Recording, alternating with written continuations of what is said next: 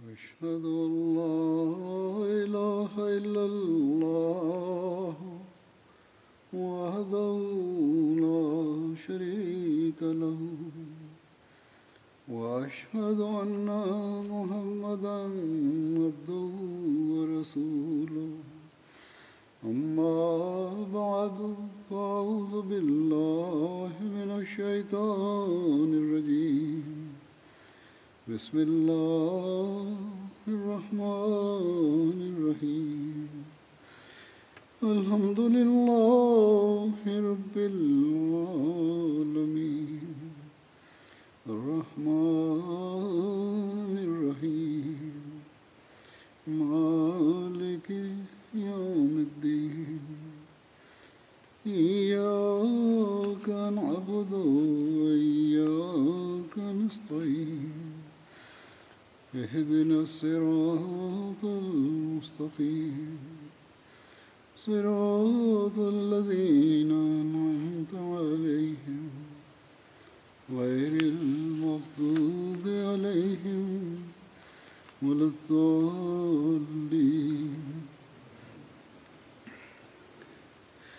إلا تنصروه وقد نصره الله. إذ أخرجه الذين كفروا. إذ, أخرجه الذين كفروا ثاني اثنين. إذ هما في الغار إذ يقول لصاحبه لا تحزن إن الله معنا. وأنزل الله سكينته عليه. وأيده بجنود وأيده بجنود لم تروها وجعل كلمة الذين كفروا السفلى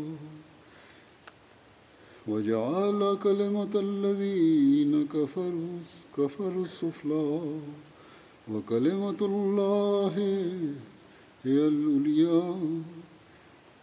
وكلمة الله هي العليا والله عزيز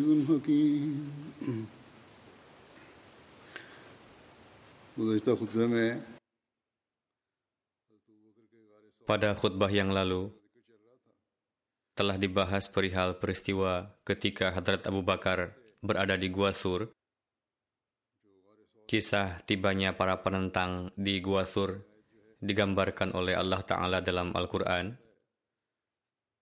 Artinya sebagai berikut. Jika kamu tidak menolongnya, maka sungguh Allah telah menolongnya ketika ia diusir oleh orang-orang kafir. Sedangkan ia adalah yang kedua dari yang dua ketika keduanya berada dalam gua. Lalu ia berkata kepada temannya, Janganlah engkau sedih, sesungguhnya Allah beserta kita. Lalu Allah menurunkan ketentramannya kepadanya dan menolongnya dengan laskar-laskar yang kamu tidak melihatnya dan dia menjadikan perkataan orang-orang yang kafir itu rendah, sedangkan kalimah Allah itulah yang tertinggi, dan Allah Maha Perkasa, Maha Bijaksana.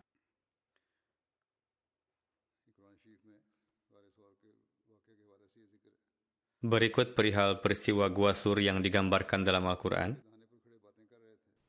Saat itu, rombongan kufar Quraisy telah berbincang-bincang di depan gua.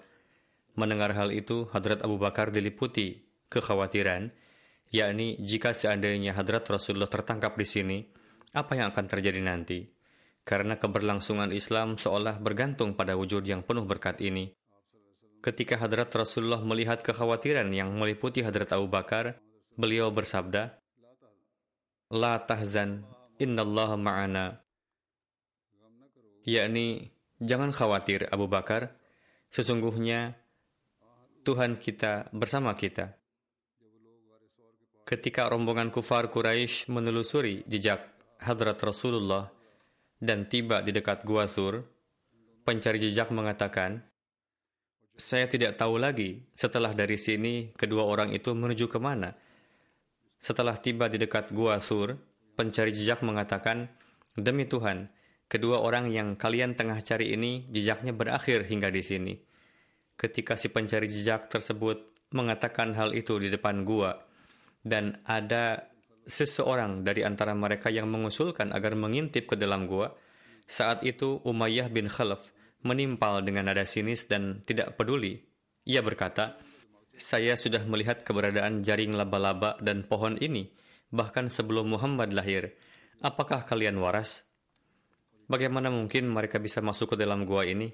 Ayo kita tinggalkan tempat ini dan mencarinya di tempat lain. Setelah itu, rombongan mereka beranjak dari sana. Hadrat Mirza Bashir Ahmad Sahib menulis berkenaan dengan pengumuman berhadiah di kalangan Quraisy Makkah dan penelusuran jejak langkah Rasulullah. Dalam buku Sirat Khatamun Nabiyyin, beliau menulis, mereka mengumumkan barang siapa yang berhasil menangkap dan membawa Muhammad hidup ataupun mati akan diberikan hadiah 100 unta. Untuk itu, orang-orang dari berbagai penjuru Mekah berdatangan dengan membawa ambisi untuk mendapatkan hadiah. Para tokoh Quraisy sendiri mengikuti jejak langkah Rasulullah hingga tiba di mulut Gua Sur. Setibanya di sana, pencari jejak mengatakan, jejak langkah Muhammad hanya sampai sini saja. Untuk itu, kalau tidak sedang bersembunyi di sekitar sini, berarti Muhammad naik ke langit. Seseorang berkata, silahkan periksa sebentar ke dalam gua. Namun ada orang lain yang mengatakan, apakah ide tersebut masuk akal? Mungkinkah ada orang yang bersembunyi di dalam gua ini?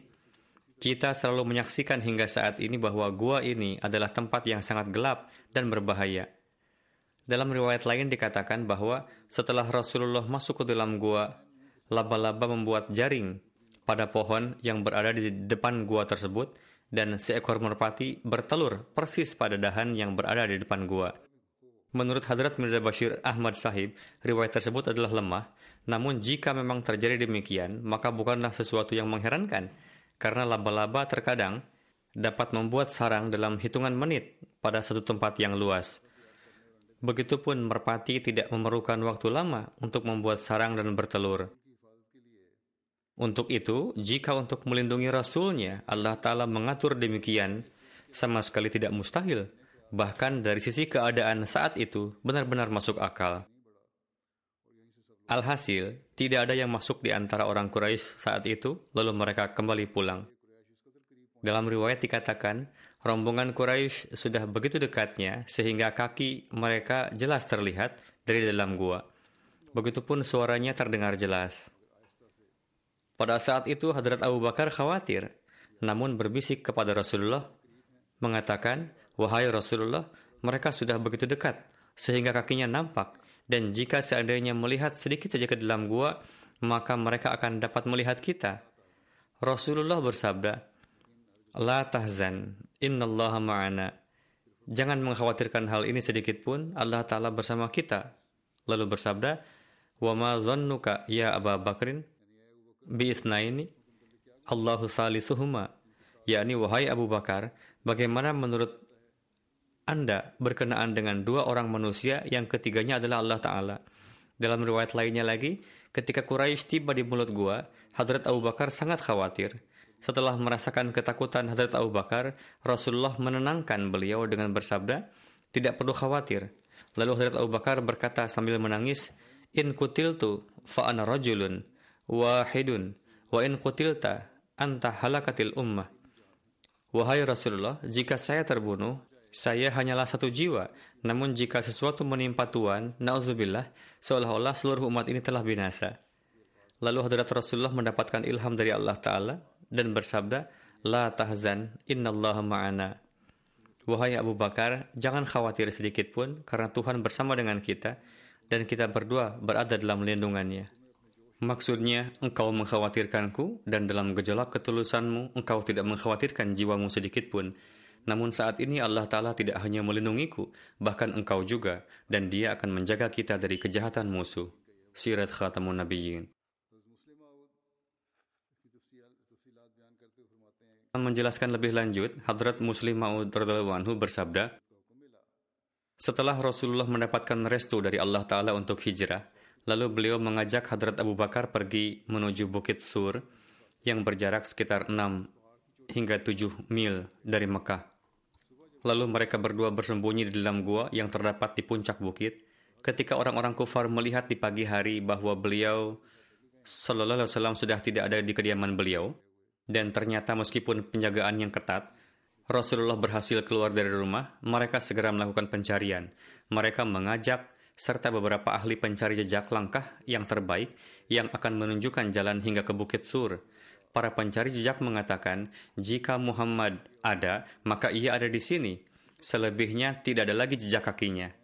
Kondisi pada saat itu adalah musuh sudah berada persis di mulut gua dan ukuran mulut gua tidaklah sempit sehingga tidak sulit untuk mengintip ke dalam. Mulut gua cukup lebar dan terbuka yang dengan mengarahkan pandangan ke dalam dapat diketahui dengan mudah bahwa ada seseorang di dalam gua ataukah tidak. Namun, dalam kondisi demikian pun, Muhammad Rasulullah Sallallahu Alaihi Wasallam tidaklah merasa khawatir sedikit pun. Bahkan sebagai buah dari keberkatan kuat kursiah beliau, kalbu Hadrat Abu Bakar pun menjadi kuat. Tidak seperti para pengikut Nabi Musa yang mengatakan, kita telah tertangkap.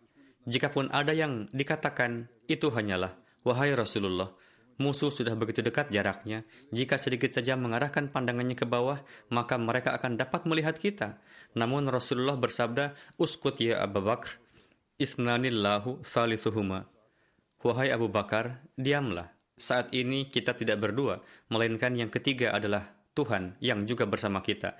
Bagaimana bisa mereka akan menemukan kita? Dan memang seperti itulah yang terjadi. Meskipun musuh telah tiba di mulut gua, tetap saja mereka tidak dapat maju lalu menemukan mereka. Akhirnya, mereka tidak berhasil dan kembali pulang. Alhasil, satu sisi dari kejadian ini adalah ketika para sahabat Nabi Musa ketakutan, mengatakan, Wahai Musa, kita telah tertangkap. Dengan kata lain, mereka malah menggiring Nabi Musa juga bersama mereka dan beranggapan bahwa sekarang kita akan tertangkap oleh Fir'aun. Namun bagaimana ketakwaan hadrat Rasulullah telah sedemikian rupa memberikan pengaruh kepada sahabat beliau sehingga tidak keluar dari mulutnya mengatakan bahwa kita telah tertangkap. Ia, yakni sang sahabat hanya berkata, para musuh telah begitu dekat, sehingga jika mereka mau, mereka dapat melihat kita. Namun Muhammad Rasulullah tidak dapat mentolerir kekhawatiran seperti itu dan bersabda, janganlah berpikir seperti itu. Saat ini kita tidak berdua, melainkan ada yang ketiga bersama kita, yakni Tuhan kita. Hadrat Muslim Ma'ud dalam suatu kesempatan bersabda, ketika intimidasi yang dilakukan oleh penduduk Mekah terhadap Rasulullah sudah melampaui batas dan itu menyebabkan terhambatnya penyebaran agama, maka Allah Ta'ala memerintahkan beliau untuk meninggalkan Mekah. Sahabat beliau Abu Bakar pun bersedia untuk meninggalkan Mekah bersama beliau. Sebelum itu telah dikatakan kepada Rasulullah berkali-kali perihal untuk pergi, namun saat itu beliau masih belum bersedia. Ketika Rasulullah akan berangkat, beliau mengajak serta Hadrat Abu Bakar pada saat beliau berangkat di malam hari di suatu tempat yang Hadrat Muslim Ma'ud telah berkunjung ke tempat tersebut pada saat ibadah haji, yakni satu gua biasa yang terletak di puncak bukit yang lubang permukaannya berukuran lebih kurang 2 atau 3 meter. Beliau berdua tinggal sementara di gua tersebut. Ketika orang-orang Mekah mengetahui bahwa beliau telah pergi, mereka mulai mencari beliau. Pada masa itu, di Arab ada orang-orang yang mahir dalam menelusuri jejak kaki. Rombongan Quraisy Mekah itu berhasil tiba di mulut gua, tempat Rasulullah bersama Abu Bakar tinggal sementara, berkat bantuan para pencari jejak tersebut. Kudrat ilahi menghendaki agar tumbuh semak-semak di mulut gua yang ranting-rantingnya menyatu satu sama lain. Jika sekiranya para pencari itu menyingkirkan semak tersebut lalu melihat ke dalam gua, maka akan nampak kepada mereka Rasulullah dan Hadrat Abu Bakar tengah berada di dalam. Ketika pakar pencari jejak tiba di sana, mereka berkata, kalau tidak naik ke langit, berarti mereka berada di dalam gua ini, tidak menunjukkan jejak bahwa mereka menempuh perjalanan dari sini. Coba bayangkan betapa rentannya kondisi pada saat itu. Saat itu Hadrat Abu Bakar diliputi kekhawatiran, namun bukan mengkhawatirkan diri pribadi beliau, melainkan untuk Rasulullah SAW. Pada saat itu Rasulullah bersabda, La tahzan innallah ma'ana. Kenapa engkau khawatir? Tuhan bersama kita. Jika seandainya Rasulullah tidak menyaksikan zat Allah Ta'ala, bagaimana mungkin dalam kondisi yang genting seperti itu tidak diliputi kekhawatiran? Sekuat-kuat manusia sekalipun akan merasa takut ketika mengetahui musuh sudah berada dekat seperti itu. Namun tatkala musuh sudah dekat seperti itu, bahkan sudah begitu dekat, yang mana sejak 13 tahun lalu musuh tersebut sudah terus berjuang untuk membunuh beliau, dan pencari jejak pun telah mengatakan jika Muhammad tidak naik ke langit berarti ada di dalam gua ini, ia tidak melanjutkan perjalanan dari sini. Pada saat seperti itu, Rasulullah bersabda, La tahzan ma'ana. Allah Ta'ala bersama kita. Anda tidak perlu khawatir. Itu semata-mata merupakan irfan ilahi yang karenanya Rasulullah mengatakan demikian. Rasulullah menyaksikan Allah Ta'ala di dalam diri beliau sendiri dan memahami bahwa kebinasaanku dapat mengakibatkan kebinasaan irfan ilahi. Untuk itu tidak ada yang dapat membinasakanku. Hadrat Masih Maud Islam bersabda, Hadrat Isa alaihissalam hanya memilih satu orang untuk menyertai beliau, yakni memilih Duma. Sebagaimana ketika hijrah ke Madinah, Hadrat Rasulullah hanya memilih Hadrat Abu Bakar karena kerajaan Romawi telah menetapkan Hadrat Isa sebagai pembangkang atas pelanggaran itu, jugalah Pilatus telah dibunuh atas perintah kaisar. Karena secara diam-diam Pilatus memberikan dukungan kepada Nabi Isa. Adapun istri Pilatus adalah murid Nabi Isa. Untuk itu, sudah pasti Hadrat Isa keluar dari negeri itu secara diam-diam, tidak mengajak serta kafilah. Untuk itu, beliau hanya mengajak Hawari bernama Duma dalam perjalanan tersebut sebagaimana Nabi kita Shallallahu Alaihi Wasallam hanya mengajak Hadrat Abu Bakar dalam perjalanan ke Madinah, sebagaimana para sahabat Rasulullah lainnya pergi menghadap Rasulullah di Madinah dengan menempuh perjalanan yang berbeda, begitu juga lah para hawari Nabi Isa alaihissalam pergi menemui Hadrat Isa dengan menempuh jalan dan waktu yang berbeda-beda. Selanjutnya Hadrat Masih Maud Islam bersabda, Ketulusan Hadrat Abu Bakar radhiallahu anhu nampak pada saat Hadrat Rasulullah SAW diburu. Meskipun sebagian kaum kufar berpendapat agar Rasulullah diusir, namun tujuan utama dan rencana mereka sebenarnya adalah pembunuhan terhadap beliau. Dalam keadaan demikian, Hadrat Abu Bakar Siddiq menampilkan teladan ketulusan dan kesetiaan yang akan menjadi contoh untuk selama-lamanya. Dalam saat-saat yang genting seperti itu, pilihan Rasulullah menjadi bukti kuat akan ketulusan dan kesetiaan Hadrat Abu Bakar yang luar biasa. Seperti itulah kualitas pilihan Rasulullah pada saat itu, Rasulullah memiliki sahabat yang berjumlah sekitar 70 hingga 80 orang, yang di antaranya adalah Hadrat Ali radhiallahu anhu juga. Namun di antara mereka semua, Rasulullah memilih Hadrat Abu Bakar untuk menyertai beliau. Apa rahasia di balik itu? Masalahnya adalah seorang nabi melihat dengan menggunakan mata Allah Ta'ala dan dianugerahi pemahaman oleh Allah Ta'ala. Untuk itu, Allah Ta'ala mengabarkan kepada Rasulullah SAW dengan perantaraan kasyaf dan ilham bahwa yang terbaik dan sesuai untuk tugas tersebut adalah Hadrat Abu Bakar Siddiq radhiyallahu anhu. Hadrat Abu Bakar ada bersama beliau di saat yang sulit tersebut. Saat itu adalah saat ujian yang teramat sulit. Nabi Isa al-Masih tatkala menghadapi ujian seperti demikian, para murid beliau pun berlari meninggalkan beliau dan seseorang bahkan beliau. Akan tetapi para sahabat beliau yang mulia, mereka semua memperlihatkan contoh kesetiaan yang sempurna. Pendek kata, Hadrat Abu Bakar menemani beliau sepenuhnya, kemudian mereka bersembunyi di satu gua yang bernama Gua Thur. Kaum kafir maka yang jahat yang telah merencanakan untuk menganiaya beliau dalam mencari beliau, mereka pun tiba di gua tersebut. Hadrat Abu Bakar Siddiq berkata, sekarang mereka telah benar-benar ada di dekat kita. Dan sekiranya seseorang dari antara mereka ada yang sedikit saja menengadah ke bawah, maka mereka akan melihat kita dan kita pasti akan ditangkap. Saat itu Rasulullah bersabda, La tahzan innallaha ma'ana. Jangan bersedih, Tuhan ada bersama kita. Renungkanlah lafaz ini. Yang mulia Rasulullah menyertakan Hadrat Abu Bakar Siddiq sebagai sosok yang bersama beliau. Oleh karena itu, di dalam firman Allah innallaha ma'ana, lafaz ma'ana ditujukan kepada kedua sosok tersebut, yakni Allah Ta'ala adalah ada bersama Anda, Hadrat Abu Bakar dan bersama saya. Allah Ta'ala memberi sebagian kepada Hadrat Rasulullah dan sebagian lagi kepada Hadrat Siddiq. Saat itu keduanya ada di dalam ujian. Dan inilah keadaan bahwa apakah Islam akan semakin kokoh dalam pondasinya atau akan menghadapi kehancurannya. Musuh telah ada di gua dan berbagai pendapat tengah saling mereka kemukakan. Sebagian berkata, periksalah gua ini karena jejak kaki berakhir di sini. Namun sebagian di antara mereka berkata, bagaimana mungkin manusia singgah dan masuk di sini? Karena terdapat jaring laba-laba dan ada merpati yang tengah bertelur. Suara percakapan tersebut pun masuk hingga ke dalam, dan beliau tengah mendengarnya dengan sangat jelas. Musuh datang dalam keadaan yang ingin menghabisi mereka, dan terus maju tanpa menghiraukan apa pun. Namun, lihatlah betapa sempurnanya keberanian Rasulullah. Musuh telah sangat dekat, namun Rasulullah bersabda kepada sahabat sejati beliau, Hadrat Siddiq, La tahzan innallaha ma'ana Lafaz ini menampakkan dengan sangat jelas bahwa betapa Rasulullah telah bersabda dengan lidah beliau karena hal ini membutuhkan suara dan tidak bisa tersampaikan dengan isyarat semata. Musuh di luar tengah berbincang dan di dalam gua ada sosok majikan dan pelayan yang juga saling berbicara. Mereka berdua tidak menghiraukan apakah musuh akan mendengar suara mereka. Ini adalah bukti adanya keyakinan sempurna pada wujud Allah Ta'ala dan ma'rifat. Mereka percaya sepenuhnya akan janji-janji Allah Ta'ala. Contoh ini semata adalah cukup untuk menggambarkan keberanian Rasulullah SAW. Kemudian Hadrat Masih Maud Islam bersabda di satu tempat lain, Allah Jalla Shanuhu telah memperlihatkan suatu mukjizat dalam menjaga Rasulullah SAW bahwa kendati pun para musuh telah sampai di gua yang di dalamnya yang mulia Nabi SAW bersama sahabatnya bersembunyi, mereka tidak sanggup melihat beliau karena Allah Ta'ala telah mengirim sepasang merpati dan di malam itu mereka membuat sarang di mulut gua dan bertelur di sana. Demikian pula, atas izin ilahi, laba-laba pun membuat sarangnya di gua yang menyebabkan para musuh tertipu, sehingga mereka pun gagal dan kembali.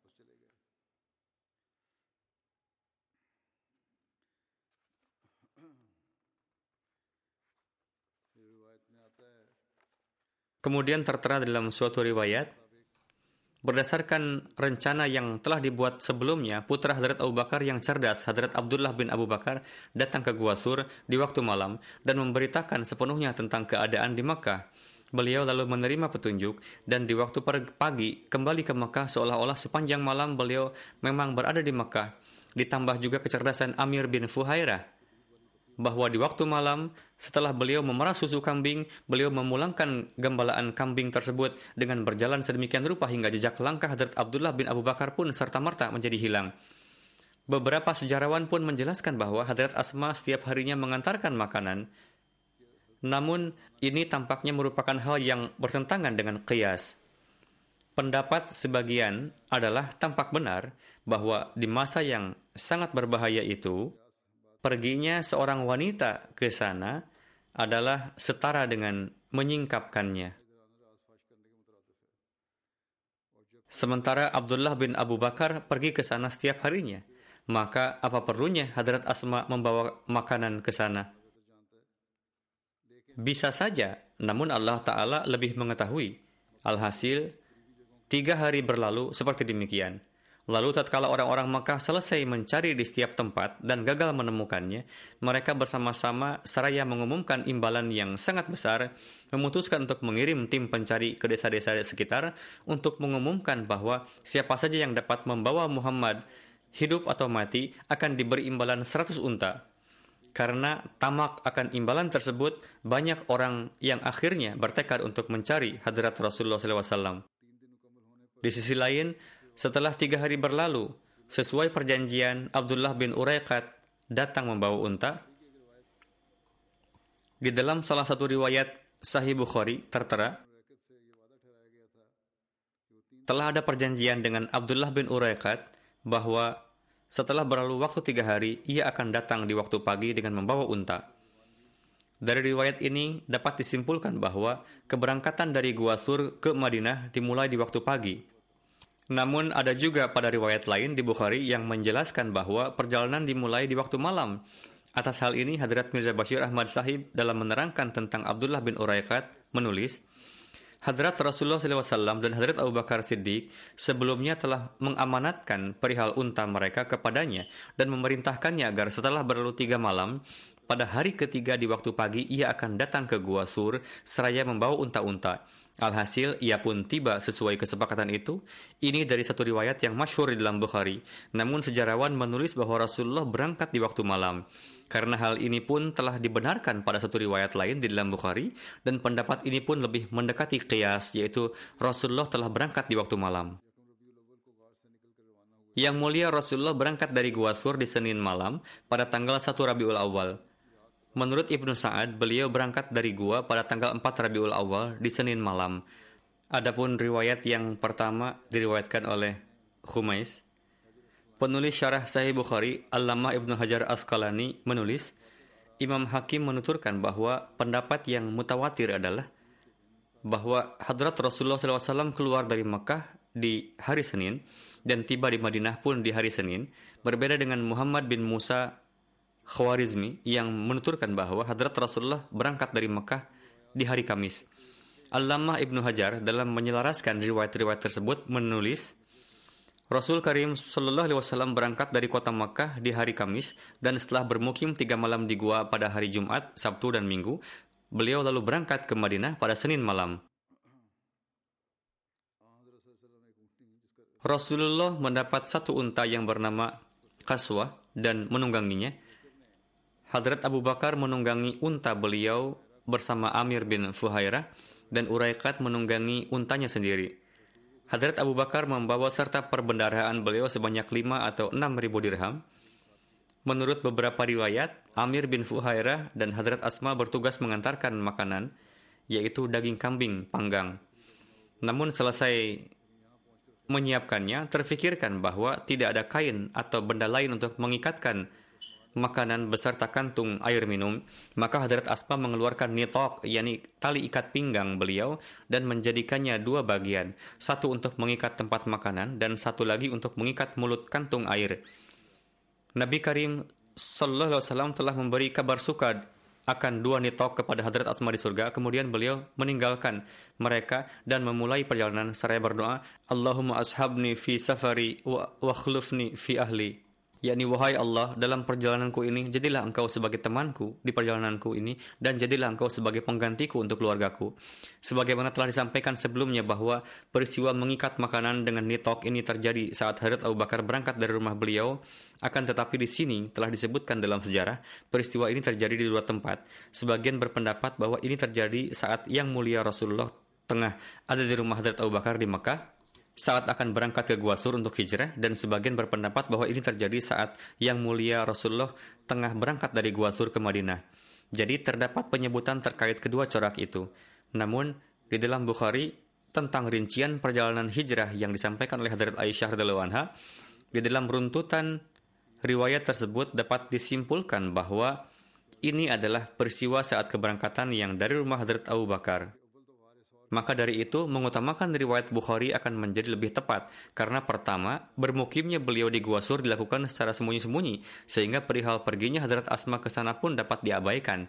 Ditambah bahwa Hadrat Abdullah bin Abi Bakar dan Hadrat Amir bin Fuhairah, kedua pemuda itu pergi setiap hari secara sembunyi-sembunyi. Oleh karena itu, perginya seorang wanita adalah nampak bertolak belakang dengan prinsip kehati-hatian tersebut.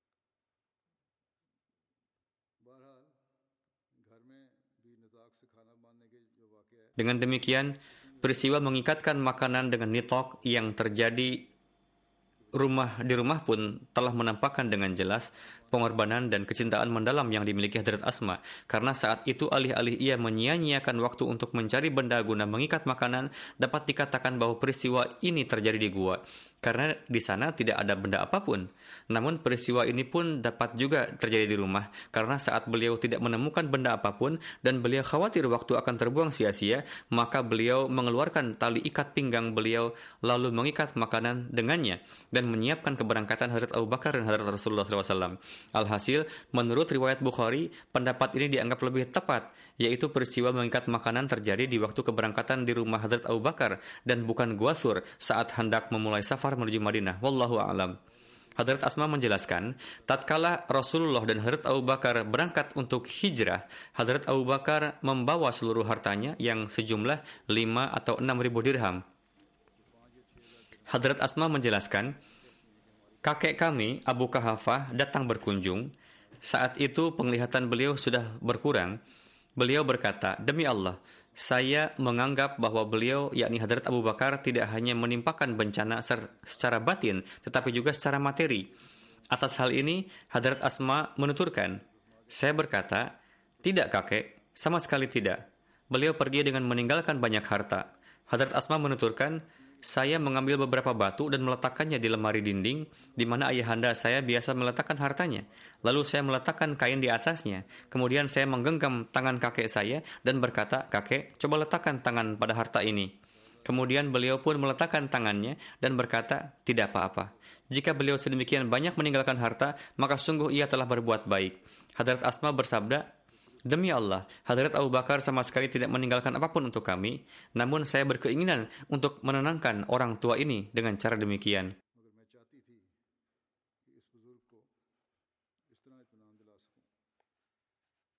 Hadrat Mirza Bashir Ahmad Sahib menulis,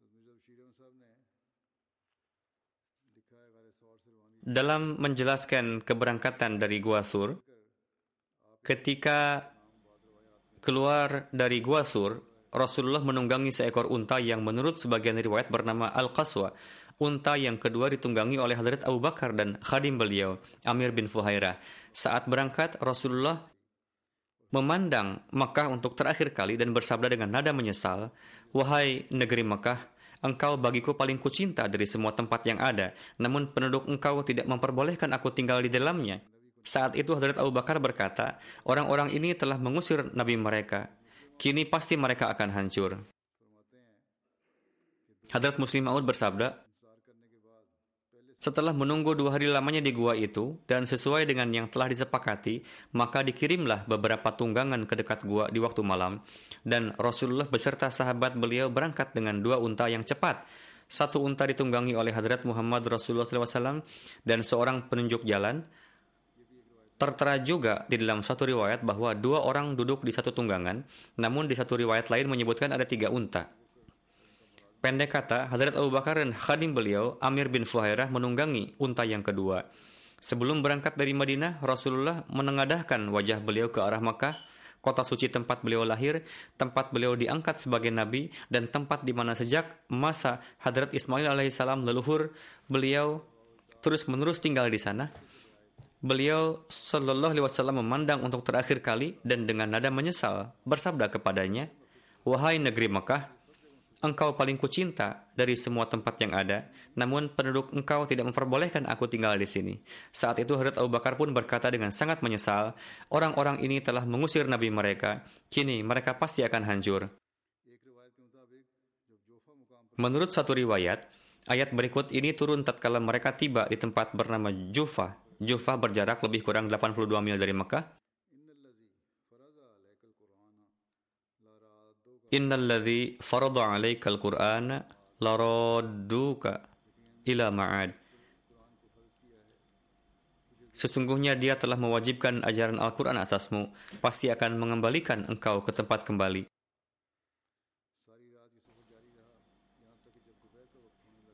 Perjalanan ini berlangsung sepanjang malam hingga tatkala waktu siang akan tiba, kafilah berhenti di naungan suatu bukit untuk beristirahat. Hadrat Abu Bakar menggelar alas tidur dan memohon kepada yang mulia Nabi SAW agar beliau beristirahat. Rasulullah pun berbaring. Lalu Hadrat Abu Bakar keluar untuk memantau apakah ada pengejar yang datang. Di saat itu pula ada seorang penggembala kambing yang datang untuk mencari naungan. Hadrat Abu Bakar menuturkan, saat itu saya bertanya kepadanya, Nak, Siapa majikanmu? Ia menjawab, saya budak seorang Quraisy. Ia menyebutkan namanya dan saya pun mengenalinya. Saya berkata, apakah ada kambing kamu yang memberi susu? Ia menjawab, ya. Saya berkata, apakah tersedia susu untuk diberikan kepada kami? Ia menjawab, ya. Maka dari itu saya memintanya untuk memerah susu darinya. Ia lalu memegang kaki salah satu di antara kambingnya dan menjepitnya di antara paha dan betisnya. Maka saya berkata kepadanya, pertama-tama bersihkanlah kelenjar susunya dengan baik, Lalu beliau mengawasinya memerah susu hingga ke dalam mangkuk. Ia memasukkan sejumlah air untuk mengurangi kadar kekentalannya dan memberikannya ke hadapan Rasulullah. Di dalam beberapa riwayat lain, tatkala Hadrat Abu Bakar selesai menyiapkan susu untuk Rasulullah, saat itu yang mulia Rasulullah masih beristirahat. Hadrat Abu Bakar menganggap tidaklah tepat untuk mengganggu istirahat beliau. Maka dari itu Hadrat Abu Bakar menunggu beliau bangun. Saat Rasulullah bangun, Hadrat Abu Bakar memberikan beliau susu dan berkata, silahkan minum wahai Rasulullah. Beliau sedemikian rupa meminumnya hingga Hadrat Abu Bakar menuturkan, saya sangat bahagia. Kemudian saya berkata, wahai Rasulullah, telah tiba waktu melanjutkan perjalanan. Rasulullah bersabda, ya. Atau dalam suri riwayat lain tertera bahwa Rasulullah bersabda, mari kita lanjutkan kembali perjalanan kita. Hadrat Abu Bakar menjawab, baik junjunanku. Alhasil, perjalanan pun dilanjutkan. Tentang peristiwa pengejaran oleh Surakah bin Malikah, perjalanan ini yang ada di bawah pimpinan Uraikat, seorang penunjuk jalan ulung, dimulai melewati desa-desa di pesisir laut yang kemudian mengarah ke Madinah, yang berbeda dari rute umum menuju Madinah. Di Mekah dan kampung-kampung lain di sekitarnya telah diumumkan hadiah sebanyak 100 ekor unta dan banyak orang-orang yang ingin mendapatkan hadiah yang sangat besar tersebut. Surakah bin Malik di kemudian hari beliau masuk Islam dan setelah masuk Islam beliau sendiri meriwayatkan peristiwa ini sebagai berikut. Utusan Quraisy datang kepada kami. Mereka telah menetapkan imbalan bagi yang berhasil membunuh atau menangkap hidup-hidup Hadrat Rasulullah dan Hadrat Abu Bakar. Surakah menuturkan, saya sedang duduk di satu majlis kaum saya, Bani Mudlij. Seseorang datang dari hadapan kami dan berdiri di samping kami ketika kami duduk. Ia berkata, Wahai Surakah, Aku melihat beberapa bayangan menuju ke arah pantai. Atau ia berkata, aku melihat satu kafilah yang terdiri dari tiga orang dan saya berpemikiran bahwa jangan-jangan itu adalah Muhammad. Surakah bin Malik menuturkan, saya mengetahui bahwa ini adalah benar kafilah Muhammad. Namun saya tidak ingin bersama saya ada orang lain yang mendapat bagian dari hadiah ini. Oleh karena itu, saya segera menangani momen yang genting tersebut dan memberikan isyarat dengan mata pada orang tersebut supaya ia diam dan saya sendiri mengatakan, bukan, orang-orang yang engkau ceritakan itu tidak mungkin kafilah Muhammad. Kafilah ini baru saja lewat di depan kita. Mereka adalah Banu Fulan yang sedang pergi untuk mencari unta mereka yang hilang. Surakah mengatakan, saya tetap berada di majlis tersebut untuk beberapa lama supaya tidak ada seorang pun yang curiga. Lalu saya mengatakan kepada seorang budak perempuan saya, bawakan kuda saya yang cepat, simpanlah di belakang rumah, dan tunggulah saya. Tidak berapa lama beliau sendiri sampai di sana. Beliau meriwayatkan, saya mengundi untuk mengambil keputusan, namun yang keluar malah bertentangan dengan perjalanan tersebut. Tapi saya tidak memperdulikannya. Kuda itu berlari kencang dan mulai mengejar kafilah tersebut yang saya yakini merupakan kafilah hadrat Rasulullah SAW. Surakah mengatakan, dengan melewati berbagai rintangan, saya tiba di dekat kafilah tersebut dengan cepat ketika jaraknya sudah sangat dekat, di luar kebiasaan, kuda tersebut tersandung sehingga saya terjatuh darinya. Kemudian saya bangkit dan mengundi lagi. Kemudian hasilnya berlawanan dengan niat saya. Namun saya berkeinginan untuk membawa pulang Muhammad Sallallahu Alaihi Wasallam dan mendapatkan 100 ekor unta. Kemudian saya bangkit dan menunggangi kuda. Kali ini saya telah begitu dekat sehingga saya tidak hanya mengenali bahwa mereka adalah Muhammad dan Abu Bakar, bahkan saya mendengar suara Muhammad. Tidak berapa lama, kuda saya tersandung dengan parah dan kaki-kakinya terperosok ke dalam pasir dan saya terjatuh darinya.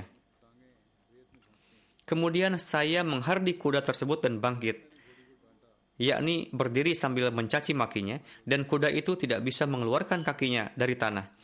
Ketika ia akhirnya dengan serentak berdiri, maka debu naik dari kedua kakinya dan menyebar seperti kepulan asap di udara.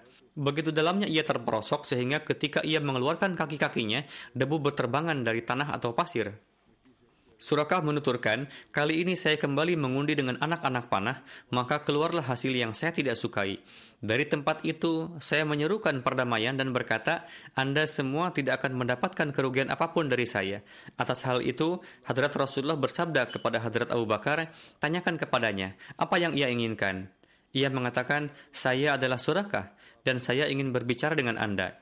Mendengar ini, mereka berhenti. Surakah menceritakan bahwa orang-orang Mekah telah menetapkan hadiah 100 ekor unta bagi yang menangkap Anda dalam kondisi hidup atau mati. Dan saya telah mengejar Anda dalam keserakahan ini. Namun, sesuatu terjadi pada diri saya yang karenanya saya menjadi yakin bahwa pengejaran saya ini tidak benar. Ia menawarkan biaya perjalanan dan sebagainya kepada yang mulia Rasulullah, namun Rasulullah tidak menerimanya. Rasulullah hanya bersabda, Jangan ceritakan mengenai kami kepada siapa pun. Ia berjanji akan hal ini dan bersama dengan itu juga mengatakan bahwa saya yakin suatu hari Anda akan meraih kerajaan. Mohon tuliskanlah sebuah perjanjian bagi saya bahwa ketika saya hadir di hadapan Anda, mohon saya diperlakukan dengan hormat. Berdasarkan beberapa riwayat, ia telah memohon surat perjanjian perlindungan. Oleh karena itu, atas instruksi dari Yang Mulia Rasulullah, Hadrat Abu Bakar, dan berdasarkan satu riwayat Lainnya, Amir bin Fuhairah telah menulis surat tersebut dan ia membawa pulang surat tersebut. Kisah ini masih akan berlanjut di kesempatan mendatang. Insya Allah, tahun baru juga akan dimulai. Semoga Allah Ta'ala memberikan keberkatan pada tahun yang akan datang bagi setiap anggota jemaat dari segala segi menjaga jemaat dari segala jenis keburukan dan menghancurkan segala makar musuh untuk menentang jemaat.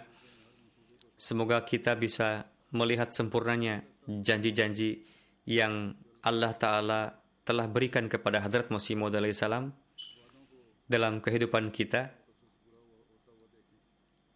Semoga Allah Ta'ala memperlihatkan pemandangan ini kepada kita. Alhasil, perbanyaklah berdoa Masukilah tahun baru dengan doa-doa. Berikanlah perhatian khusus pada tahajud. Di sebagian masjid tahajud biasa dilaksanakan. Bagi yang tidak biasa melaksanakan hendaknya dilaksanakan juga. Jika tidak dilaksanakan secara berjamaah maka hendaknya lakukanlah secara perseorangan di rumah-rumah dan hendaknya berdoa Pertama-tama, hal ini harus menjadi kebiasaan yang permanen, tetapi ketika Anda melaksanakannya besok atau malam ini, maka berusahalah menjadikannya sebagai bagian permanen dari kehidupan. Semoga Allah telah memberikan taufik kepada Anda semuanya. Selain salawat dan istighfar, perbanyaklah membaca doa-doa ini. Rabbana la tuzigh qulubana ba'da idh hadaitana wa hab lana min ladunka rahmah innaka antal wahhab. Wahai Tuhan kami, janganlah biarkan hati kami bengkok setelah Engkau memberikan petunjuk kepada kami, dan anugerahkanlah kepada kami rahmat dari sisi Engkau. Sesungguhnya Engkau maha pemberi anugerah. Kemudian, bacalah juga doa berikut. Rabbana gfir lana wa israfana fi amrina wa thabbit aqdamana al qawmil kafirin. Wahai Tuhanku, ampunilah dosa kami dan tindakan-tindakan kami yang berlebihan dalam urusan kami, dan teguhkanlah langkah-langkah kami, dan tolonglah kami terhadap orang-orang kafir. Semoga Allah telah memberikan taufik kepada setiap Ahmadi untuk melaksanakannya. Setelah Jumat, saya akan memimpin salat jenazah gaib untuk beberapa almarhum. Saya ingin menyampaikan riwayat mereka. Jenazah yang pertama yang terhormat Malik Faruk Ahmad Khokar Sahib, Amir Daerah Multan, Beliau wafat pada 18 Desember di usia 80 tahun. Innalillahi wa inna ilaihi raji'un. Ayahanda beliau bernama yang terhormat Malik Umar Ali Kokhar Sahib yang dikenal sebagai Rais Multan dan ibunda beliau adalah Sayyidah Nusrat Jahan Begum Sahibah dikenal dengan nama Sayyidah Begum. Beliau adalah putri dari Hadrat Mir Muhammad Ishaq. Hadrat Malik Umar Ali Sahib menerima Ahmadiyah di masa mudanya. Beliau datang ke Kadian di masa Hadrat Khalifah Sani radhiyallahu anhu dan mendapatkan kehormatan untuk bayat.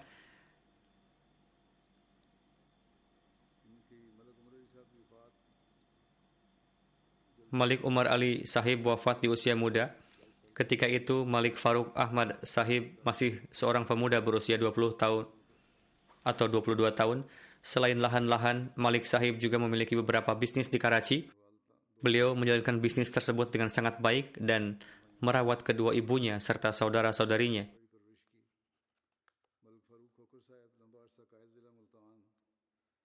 Malik Faruk Kokar Sahib dalam waktu yang lama berkhidmat pada jabatan sebagai Kaid Daerah Multan, Kaid Majelis Khudamul Ahmadiyah Daerah Multan, dan kemudian Kaid Wilayah Multan dari tahun 80 hingga 85 beliau mendapatkan taufik berkhidmat sebagai Amir daerah Multan. Pada masa itu beliau juga mendapatkan taufik berkhidmat sebagai Amir kota Multan. Beliau menikah pada tahun 68 dengan Dardana Sahibah, putri dari Hadrat Mirza Aziz Ahmad Sahib. Hadrat Khalifatul Masih As-Salis rahimahullah memimpin pernikahan beliau. Allah Ta'ala menganugerahkan satu putra dan lima putri kepada beliau. Istri beliau menuturkan, Almarhum adalah sosok yang penuh cinta dan perhatian, memperhatikan hal-hal yang kecil, melaksanakan tahajud secara dawam, dan membangunkan saya juga untuk tahajud setiap hari. Pada hari ketika beliau wafat, malam itu pun beliau melaksanakan salat nafal sebelum tidur. Beliau berusaha untuk senantiasa dalam keadaan berwudu. Beliau menuturkan, ketika beliau belum menjadi amir, namun ketika ada seorang Ahmadi yang memiliki suatu permasalahan, kapan pun beliau menerima telepon darinya, maka beliau sepenuhnya siap untuk bekerja. Ketika menjadi amir jemaat, beliau memerintahkan saya supaya setiap saat tersedia makanan dan cahaya. Karena tamu bisa datang kapan saja. Beliau menuturkan, saya tidak ingat kapan rumah saya kosong dari tamu. Selalu ada saja yang datang untuk singgah. Beberapa mubalik juga biasa menginap di rumah rumah beliau dijadikan kantor. Beliau seorang yang mencintai dengan tulus. Beliau sangat menghormati dan mencintai semua kerabat Gair Ahmadi, bahkan seluruh keluarga besar Kokar. Beliau senantiasa menjaga hubungan baik dengan mereka. Dengan karunia Allah Ta'ala, beliau sangat baik dalam tilawat Al-Quran. Ketika saya melakukan tilawat, beliau biasa memperbaiki bacaan Al-Quran saya tanpa membuka Al-Quran. Putra beliau telah menuturkan, Almarhum sangat memperhatikan kedua ibunya dan tidak pernah membeda-bedakan dan beliau sendiri yang mengatur pernikahan semua saudara dan saudari beliau. Rumah beliau seperti hanya hati beliau, selalu terbuka bagi setiap orang, khususnya bagi para wakafin jemaat. Beliau mempunyai satu rumah di Khairagali, Muri, dan biasa mengatakan bahwa saya membangunnya untuk jemaat. Beliau tidak pernah menolak siapa pun yang ingin pergi dan menginap di sana pada masa penuh ujian setelah ordonansi pemerintah pada tahun 84 dengan karunia Allah Ta'ala dengan kepribadian beliau yang pemberani beliau senantiasa menyemangati semua saudara-saudara Ahmadi di distrik dan kota Multan. Beliau tidak membiarkan mereka menjadi lemah pada perjalanan hijrah Hadrat Khalifatul Masih yang keempat rahimahullah. Dengan karunia Allah Ta'ala beliau mendapatkan taufik ikut serta dalam kafilah huzur. Pada saat satu kesempatan Beliau bahkan memimpin kafilah dan memandu perjalanan. Putra beliau menulis, di masa keamiran ayahanda, rumah kami lebih seperti kantor. Sangat ramai, beliau menyerahkan pekerjaan menggarap lahan pada adik-adik lakinya dan mewakafkan seluruh waktunya untuk agama.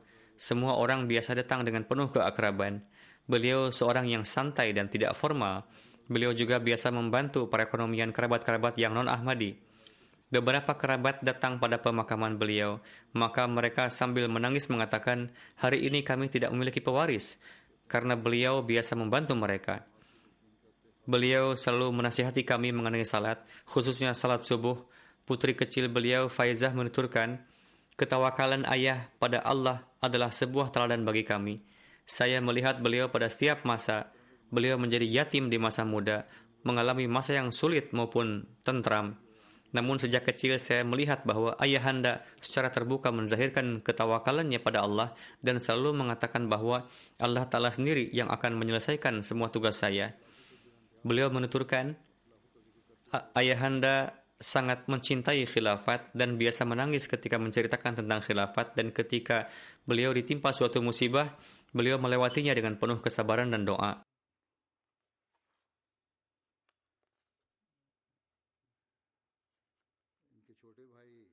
Adik laki-laki beliau dari ibu kedua, Malik Tariq Ali Kokhar menuturkan, saya berusia 9 tahun ketika ayahanda saya wafat dan kakak saya, Malik Faruk, berusia 22 tahun. Namun beliau menjaga kami layaknya seorang ayah dan sepanjang umur tidak pernah membiarkan saya merasakan kehilangan sosok ayah. Kemudian beliau menulis, Almarhum memiliki karisma yang istimewa di hadapan kerabat Gair Ahmadi dan beliau sangat memperhatikan mereka. Beliau merawat banyak keluarga Ahmadi, beliau banyak mendidik anak-anak dan menyiapkan mereka untuk bekerja. Kemudian beliau menuturkan bahwa kakak saya memberikan pinjaman kepada setiap orang yang membutuhkan tanpa pernah menuntut pengembalian. Beliau selalu memberikannya dengan niat sebagai kordon hasanah, yakni pinjaman yang baik di sisi Allah Ta'ala.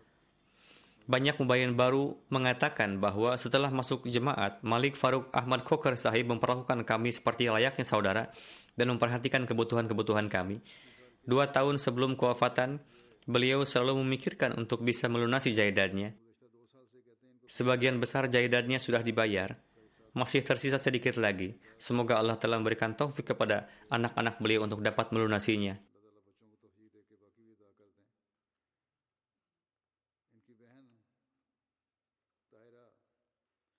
Tahira, adik perempuan beliau yang juga dari ibu yang lain menuturkan, kakak saya selalu memperlakukan saya layaknya seorang ayah yang penyayang.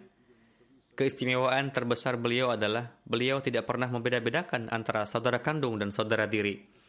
Beliau memperlakukan semua saudara-saudari beliau dengan sama dan memperlakukan kedua ibu beliau dengan sama. Beliau tidak pernah membiarkan kami merasa bahwa kami berbeda ibu. Kemudian menuturkan bahwa beliau betul-betul menggantikan sosok ayah saya, sebagaimana seorang ayah yang dengan tenang menemani kesedihan dan kebahagiaan putrinya. Persis seperti itulah hubungan saya dengan beliau. Kemudian putri beliau Namud Sahar menuturkan bahwa ada beberapa hal yang sangat menonjol dalam kehidupan ayahanda dan selalu teringat, di antaranya terutama adalah pengkhidmatan terhadap tamu dan jalanan kecintaan dengan orang-orang. Kemudian beliau menuturkan, kualitas keramahan terhadap tamu pada diri beliau sedemikian rupa hingga ketika masakan telah siap di rumah lalu tamu datang sedangkan anggota keluarga telah duduk untuk makan. Tapi kemudian masakan tersebut lalu dihidangkan kepada para tamu dan anggota keluarga makan dengan menggoreng telur. Kemudian beliau menuturkan bahwa dalam kehidupan manusia biasa banyak melakukan kekeliruan, manusia terkadang terlibat dalam perselisihan dan karenanya mereka melalui cobaan namun berkenaan dengan khilafat, beliau tidak pernah membicarakan hal yang membuat kami berpemikiran bahwa khalifah telah mengambil keputusan yang keliru. Di rumah kami selalu memberikan perhatian khusus pada menyimak khutbah dan menjalin hubungan dengan jemaat. Semoga Allah Ta'ala menganugerahkan magfirah dan rahmat kepada beliau, memberikan ketabahan dan kesabaran kepada anak-anak beliau, dan memberikan taufik untuk maju dalam kebaikan-kebaikan.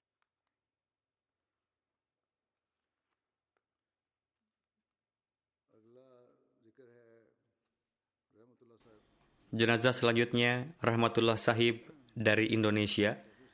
Beliau wafat pada usia 66 tahun. Inna lillahi wa inna ilaihi raji'un. Beliau lahir di Jawa Timur. Pada tahun 80 beliau bayat masuk ke dalam jemaat melalui Restablik Jemaat Indonesia yang terdahulu yang terhormat Sayuti Aziz Ahmad Sahib. Pada tahun 93 beliau bergabung dalam Nizam Al-Wasiyat Hingga kewafatannya beliau mendapatkan taufik berkhidmat di jemaat Karang Tengah.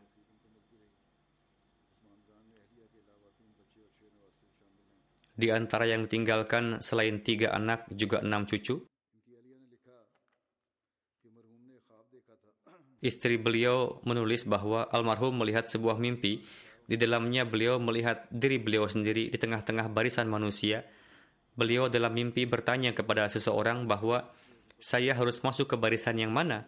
Seseorang menunjuk pada satu barisan yang di dalamnya ada satu wujud suci. Almarhum tidak mengenali wujud suci tersebut. Beberapa waktu kemudian beliau mengetahui bahwa wujud suci yang beliau lihat dalam mimpi tersebut adalah Hadrat Masih Maud salam. Dikarenakan mimpi inilah almarhum mengakui kebenaran jemaat dan kemudian bayat. Putri beliau menulis bahwa almarhum setelah bayat selain berkhidmat di jemaat lokal juga di majelis Ansarullah lokal jemaat mendapatkan serangan dan caci makian dari para penentang, almarhum membela jemaat dengan sangat berani. Beliau sosok yang sangat dermawan. Setiap kali ada yang meminta bantuan atau meminjam uang, beliau selalu membantunya. Putri ketiga beliau menuturkan bahwa beliau sosok yang sangat mencintai khilafat dan sangat taat. Abdul Basit Sahib, Amir Sahib Indonesia menulis bahwa beliau adalah seorang yang sangat mencintai khilafat dan jemaat. Di satu kota di Jawa Barat terdapat satu jemaat. Di sana beberapa kali para penentang jemaat menyerang masjid kita dan meminta pemerintah setempat untuk membatasi kegiatan-kegiatan jemaat.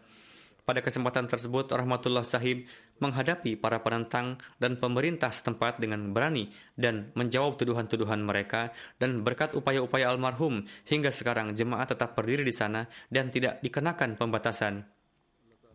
Semoga Allah telah memberikan magfirah dan rahmat kepada almarhum dan menganugerahkan taufik kepada anak keturunan almarhum untuk dapat meneruskan kebaikan-kebaikan almarhum.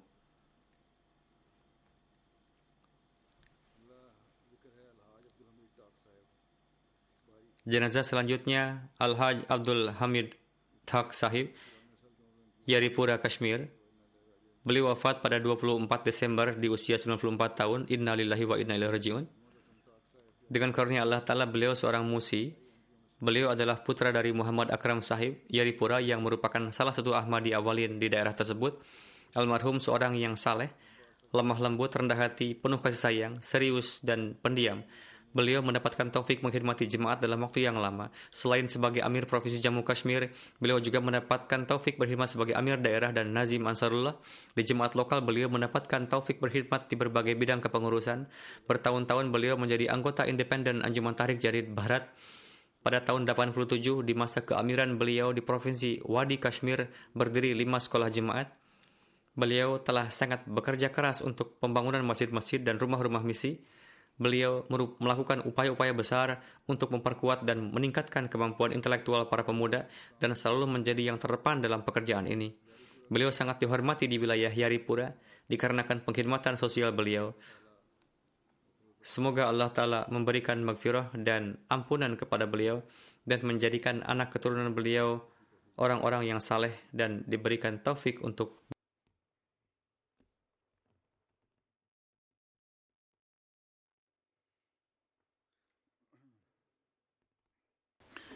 الحمد لله الحمد لله نحمده ونستعينه ونستغفره ونؤمن به ونتوكل عليه.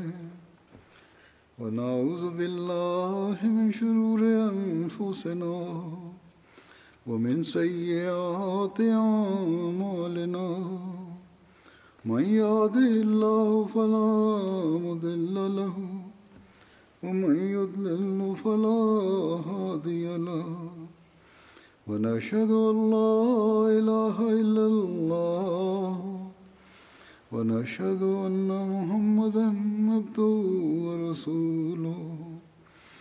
عباد الله رحمكم الله.